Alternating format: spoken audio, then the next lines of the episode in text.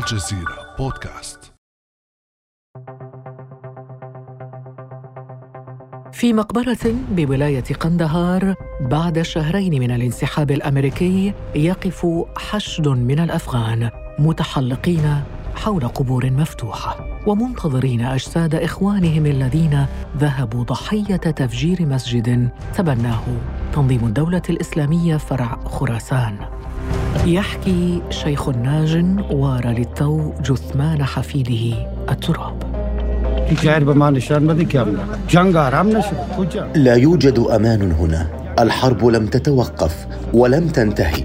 ان كانت قد انتهت لماذا نحضر 62 جثة لدفنها هنا؟ يسأل الشيخ من تلومه يجيب آخر. اصلی امریکا خودش ناکام شد در افغانستان.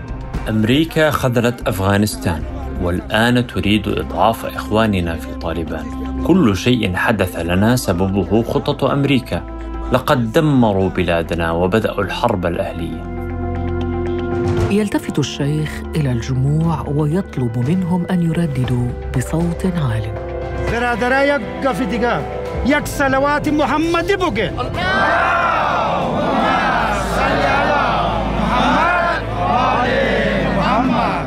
فما الذي يحدث في أفغانستان؟ وكيف تدير طالبان الحكم؟ وما مستقبل أفغانستان في ظل ما تواجهه من تحديات اقتصادية وسياسية؟ بعد أمس من الجزيرة بودكاست أنا خديجة بن جنة.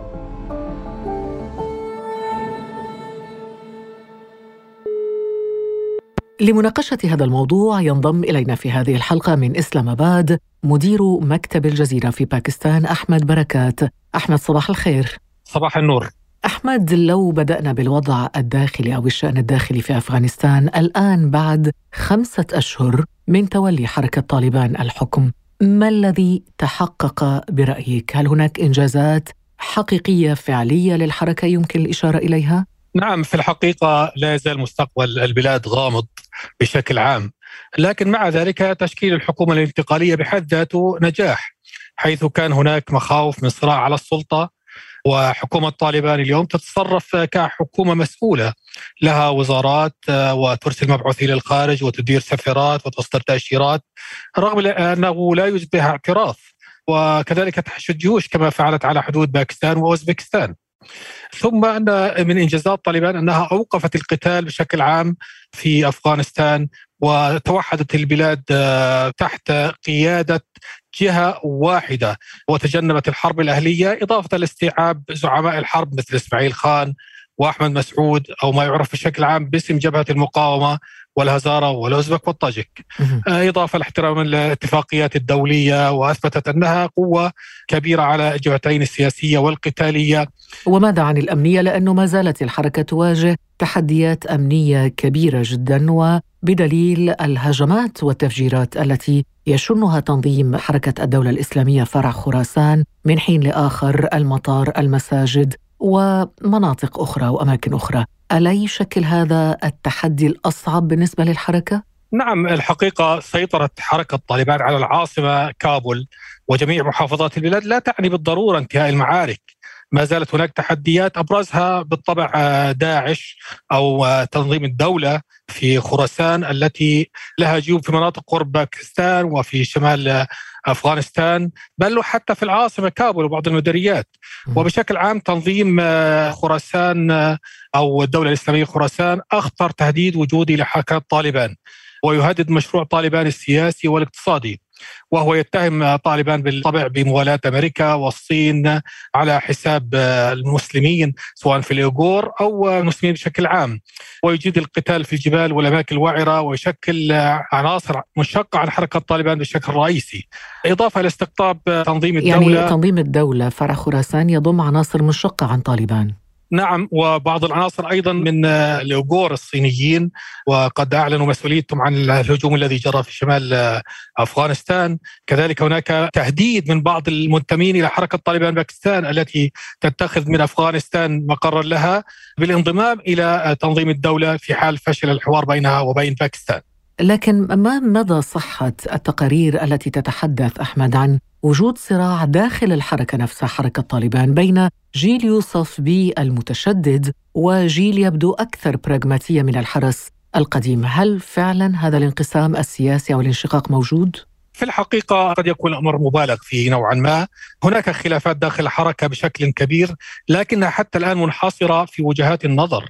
مثل الخلاف بين نائب رئيس الحكومة الملا عبد الغاني برادر وسراج الدين حقاني. هناك خلاف وهما على الطرفان نقيض في مفهوم تحقيق النصر.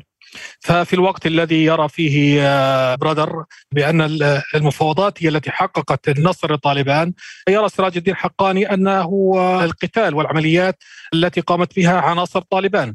بشكل عام حركة طالبان حتى الآن متماسكة والقرارات الرئيسية لا تحصل على معارضة كبيرة. واللعب على ورقة انشاء تنظيمات موازية باسم طالبان من قبل بعض الدول ومحاولات إبراز بعض القادة الميدانيين أو إحزاب الجهادية السابقة لإغرائهم بتبني خط منفصل عن الحركة لم تفلح بعد وهي مستمرة. لكن في هذه الحالة لماذا برأيك قامت قيادة الحركة حركة طالبان مؤخرا بفصل نحو ثلاثة ألاف من أعضائها وهذا عدد كبير؟ نعم في الحقيقة هذا يعتبره البعض إنجاز من إنجازات طالبان أنها بدأت تدقيق في هويات منتسبيها وخاصة في قطاعي الشرطة والجيش خوفا من اندساس عناصر تخريبية أو مصلحية وبناء إدارات خالية من الفساد. بالفعل فصلت نحو 3000 متهمين بممارسات مسيئة في عموم أفغانستان واعتمدت بشكل عام على شكاوى المواطنين. عملية الفصل لا علاقة لها بالخلافات بقدر ما لها علاقة بتشكيل حكومة خالية من الفساد. أحمد لو تحدثنا عن الجانب الاقتصادي خلال سنوات الحرب كان الاقتصاد الافغاني يعتمد على المساعدات الأمريكية والدولية وبالتوازي مع ذلك نشأ اقتصاد حرب من تجارة المخدرات والهجرة. اليوم بعد انتهاء الحرب برأيك ما هي التحديات التي تواجه الاقتصاد الأفغاني؟ في الحقيقة يعني التحديات كثيرة. وبداية دعيني أقول أن حال الاقتصاد في أفغانستان تنطبق عليه المقولة أسرق منك لأتصدق عليك. هناك أزمة اقتصادية خانقة في أفغانستان وبالمناسبة هي ليست مقتصرة على أفغانستان فقط بل أن هناك دول كثيرة تعاني الوضع الاقتصادي السيء وضعف التنمية والبطالة. من أبرز التحديات هو تجميد أموال أفغانستان فهو عمل لا يخدم الشعب الأفغاني فالمليارات المجمدة ستذهب رواتب واستيراد وتصدير مما سيحرك عجلة الاقتصاد الأفغاني والتنمية. والقول أن طالبان ستستفيد من هذه الأموال طبعا أعتقد أنه كلام غير دقيق. فمقاتلو طالبان هم جزء من الشعب الأفغاني ثم أن طالبان ورثت كميات أسلحة تقدر بأكثر من 80 مليار دولار. وبالتالي فهي ليست بحاجة إلى شراء سلاح. في حالة أفغانستان فإنها تواجه أزمة إنسانية واقتصادية عميقة تفاقمت بفعل وقف الدعم المالي وتجميد كثير من الدول وعلى رأسها طبعا الولايات المتحدة مليارات الدولارات من الاصول المالية التابعة لأفغانستان في الخارج. طيب على ذكر مليارات الدولارات أحمد مؤخرا اقر طالبان أول ميزانية لا تعتمد على المساعدات الدولية كما كان في السابق كيف ترى هذه الخطوة وحجم الميزانية أيضا في الحقيقة يعني كثيرون يرون أن هذه الميزانية رغم ضعفها وقلتها إلا أنها مهمة وتنم عن استقلالية حيث أن طالبان لأول مرة تقر ميزانية غير معتمدة على المساعدات الدولية التي كانت تقدر سابقا بحوالي 40% من مجمل الميزانية وفقط خصصت منها 46 مليون دولار فقط للتنمية. قد يكون هذا الأمر ضعيف لكن في ظل الحصار المفروض على طالبان وفي ظل الأزمة الاقتصادية المفروضة عليها هذا يعتبر إنجاز كبير خاصة أن هذه كما أشرنا أول ميزانية لا تعتمد اعتماد كلي على المساعدات الخارجية كما كانت الحال في الميزانيات السابقة في عهد كرزاي وأشرف غني كانت هناك ميزانيات لكن كانت تعتمد بشكل رئيسي على المساعدات الدولية والأمريكية بشكل عام. لكن أحمد لماذا توقفت المساعدات الدولية؟ هل الامر علاقة بالاعتراف الدولي بطالبان؟ في الحقيقة هناك وجهات نظر كثيرة في هذا الأمر ولكن هناك إجماع تقود أمريكا بشكل عام هو أن لا تستفيد طالبان من الأموال وبالتالي تم تجميد هذه الأموال بشكل رئيسي في أمريكا والاتحاد الأوروبي بشكل عام. هناك طبعا إجماع لا تستفيد منها طالبان وهناك رأي آخر يقول أن أمريكا تحاول معاقبة طالبان بعد أن فشلت في هزيمة طالبان عسكريا الآن تحاول معاقبتها اقتصاديا وإثارة الشارع الأفغاني ضد طالبان لكون طالبان لا تستطيع دفع الرواتب كاملة. فإلى متى يتحمل الشعب الأفغاني هذا الواقع؟ هذا ما تراهن عليه أمريكا بشكل عام. إذا أفهم من كلامك أحمد أنه واشنطن لا تريد إلى هذه اللحظة التعامل مع حركة طالبان يعني على الأقل بشكل رسمي. هذا في حين تعبر حركة طالبان منذ سيطرتها على الحكم عن رغبتها بالحصول في اعتراف دولي أين وصلت عملية أو المسعى إلى الحصول على اعتراف دولي؟ طالبان اجتهدت في تلبية متطلبات الاعتراف وسعت بكل الوسائل لطمانة المجتمع الدولي ودول الجوار إلا أنها لم تفلح حتى الآن في كسب الاعتراف. طالبان هناك من يرى حتى أنها تنازلت في كثير من القضايا يعني مسألة العفو العام ومسألة التسامح مع بعض الذين حاربوها سابقا وغيرها هذه كلها لم تطمئن العالم. إضافة إلى أنها حتى في موضوع الحكومة الموسعة على سبيل المثال طالبان تقول إنها مثلت جميع الأقليات ومن ضمنها الهزارة. في الحكم ولكن مع ذلك لا يوجد اعتراف دولي. طبعا أمريكا وحلفائها هم الذين يقودون مسألة عدم الاعتراف وطالبان تعلم علم اليقين أن الاعتراف الدولي أو مفتاح الاعتراف الدولي بطالبان في جيب أمريكا التي ما زالت تحاول الانتقام كما أشرنا سابقا من طالبان التي لم تتمكن من هزيمتها عسكريا. وليس سرا أن الدبلوماسية الأمريكية تنشط في منع أي دولة بالاعتراف بحكومة طالبان. طيب والتعويل على الصين في هذا المضمار هل يمكن أن يفيد طالبان؟ في موضوع الصين يعني هناك الصين تعتمد ثلاث عوامل في التعامل مع طالبان أو غير طالبان، ومع طالبان طبعا أولى لأنه طالبان أو أفغانستان بشكل عام دولة مجاورة ولها حدود مع الصين. تعتمد الأمن والسياسة والاقتصاد. في مسألة الأمن هناك تحالف صعب بين الصين وطالبان في مواجهة تنظيم الدولة. فرع خراسان لكن من الصعب أيضا إيجاد تقارب بين الأيديولوجية الطالبانية مع الشيوعية الصينية.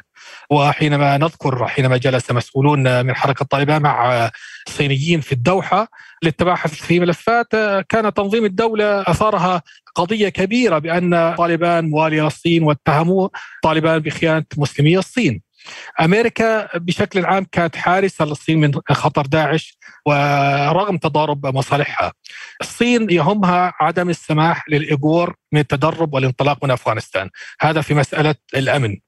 هناك طبعا حوالي ألف إيغوري في أفغانستان يقتل معظمهم في مزار شريف وهؤلاء هناك مخاوف صينية من أن يقوم بعضهم بالتسلل إلى داخل الصين إلى تركستان الشرقية وينفذ عمليات إضافة إلى الخوف أن تفتح طالبان أي معسكرات للإيغور ولكن يبدو أن طالبان بين خيارات صعبة إما التضحية بالإيغور لكي تكسب حليفا قويا كالصين أو خسارة الصين لتكسب شرعية في الداخل وهذا قد يزعزع صفوف طالبان بشكل عام. في هذه النقطة بالذات أحمد هل تعتقد أن الصين لديها حتى لا نقول مطامع ربما يعني بعض المصالح الاقتصادية مرتبطة بإعادة الإعمار في أفغانستان؟ في مسألة الاقتصاد تسعى الصين إلى الاستثمار في أفغانستان ونجاحها في جلب نوع من الاستقرار والتنمية داخل أفغانستان سيعد نقطة قوية لصالح دعاية الصين للنموذج التنموي